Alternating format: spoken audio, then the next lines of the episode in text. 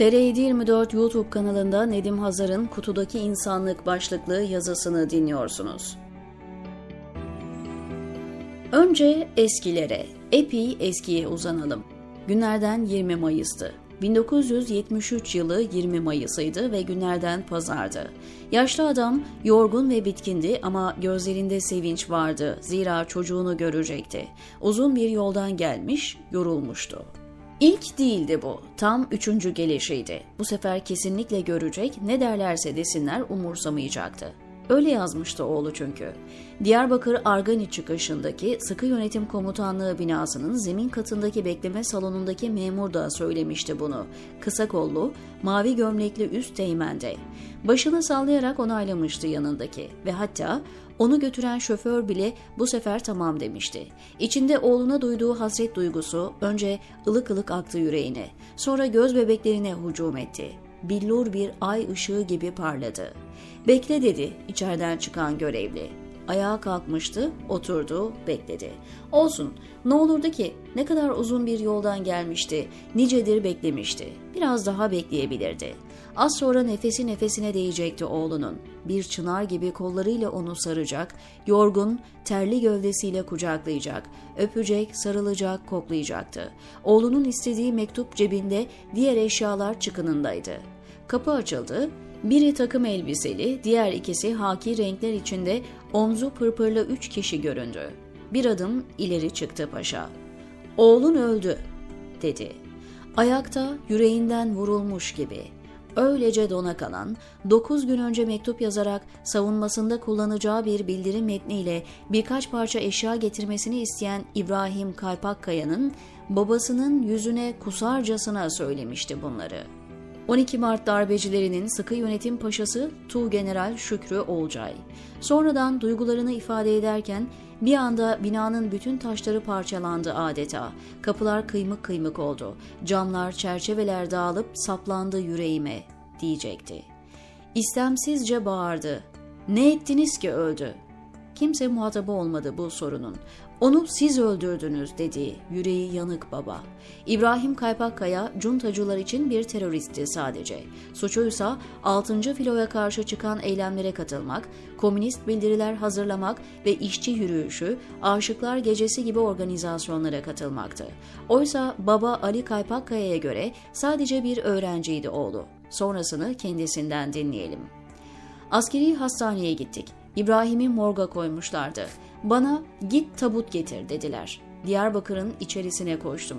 300 lira verdim, tabut yaptırdım. 60 liraya kefen aldım, pamuk aldım. Bir de formol diye bir ilaç al dediler, cenaze bozulmasın diye.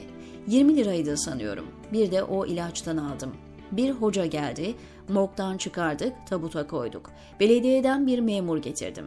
Üzerine taşınmasında bir mahsur yoktur diye damga bastı, bir yazı verdi elime. Sonra tabutu iki tekerlekli arabalar var. Hamallar omuzlarına takıyorlar, onunla taşıyorlar yükü. Öyle bir hamal getirtmiştim. Cenazeyi oradan çıkartmıştık. Tabutu indirdi.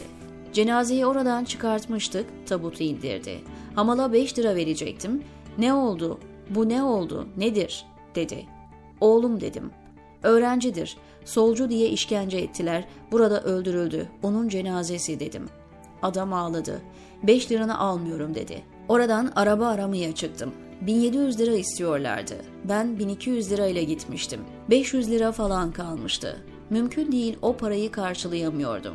Bir de peşin istiyorlar. Seni tanımıyoruz diyorlar. Şoförün biri dedi ki uçağa git. Uçak ucuz götürür dedi tek yönlü olduğu için. Oraya gittim. 210 lira tabut için, 245 lira da sana alırız dediler. Biletini verelim, bu parayı verebilir misin dediler. Tabi dedim. Vardı o kadar param. Akşam 6'ya bileti verdiler. Bir 20 lira verdim, pikap tuttum. Getirdik köye defnettik. İbrahim'im ezilenden yanaydı. Kim emeğiyle kazanıyorsa onun eli öpülür derdi. Benim oğlum başımı hiç önüme eğdirmedi. Acılı baba Ali Kaypakkaya'nın hikayesi 50 yıl önce yaşandı. Rahmetli Cahit Zarifoğlu günlüğüne şu cümleyle başlamıştı. Ne çok acı var. Gerçekten de öyleydi. Zaman ilerliyor ve dünya gelişiyordu güya. Ama acı hep aynıydı. Zalimler de, mazlumlar da. Bu olaydan 4 yıl sonra da başka bir acı yaşanacaktı. Tuncelili bir ana Halise Aksoy, oğlunu maalesef terör örgütüne kaptırmış ve bir takım dedikodular duymuş bir süre sonra. Oğlun öldürüldü diye. Nereye başvurmuşsa bir netice alamamış. Sonrasını kendinden dinleyelim. Oğlumun 3 yıl önce çıkan çatışmada hayatını kaybettiğini biliyorduk. O dönem cenazemize ulaşmak için elimizden geleni yaptık fakat sonuç alamadık. Geçen yıl bizi aradılar. Cenazeniz elimizde dediler. Kemikler için DNA örneği istediler. Bizi aramalarını beklerken diğer yandan avukatlar üzerinden oğlumun kemiklerini almak için girişimlerde bulunduk. Geçtiğimiz günlerde beni yine aradılar. Dosyanız var diye. Suçumun ne olduğunu sordum. Dosyada gizlilik var deyip söylemediler.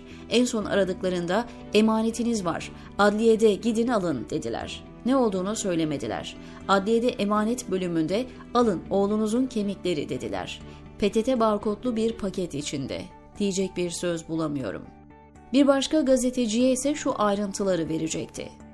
Cuma günü Diyarbakır Adliyesi'nden imza karşılığında teslim alıncaya kadar paketin içinde oğlunun kemiklerinin olduğunu bilmediğini söyledi. Ben dosya beklerken yerde duran bir paketi gösterip kemikleriniz gelmiş dediler.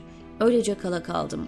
Oğlumun kemiklerini PTT kargoyla göndermişler. İmza karşılığında paketi alıp taksiyle eve gittim.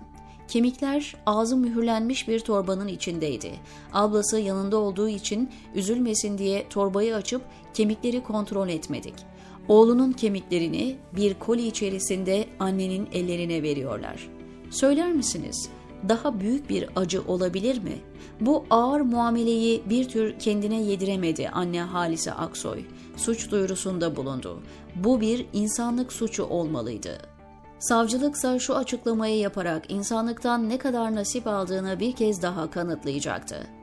Anne Aksoy'a oğluna ait cenazeyi ancak Diyarbakır'da teslim alabileceği bildirilmiştir. Bunun üzerine yönetmeliğe uygun bir şekilde 25 Kasım 2019'da Diyarbakır Cumhuriyet Başsavcılığına gönderilmiştir.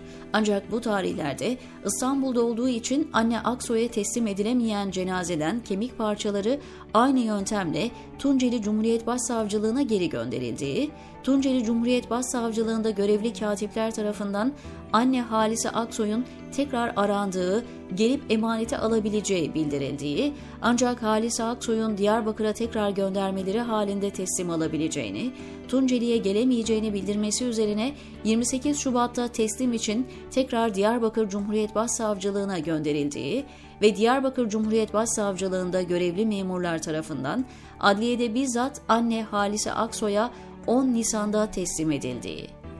Korkunç. Gerçekten korkunç. Ve zaman akmaya devam etti. Devir artık analar ağlamayacak iddiasıyla iktidara gelen siyasal İslamcılar devriydi.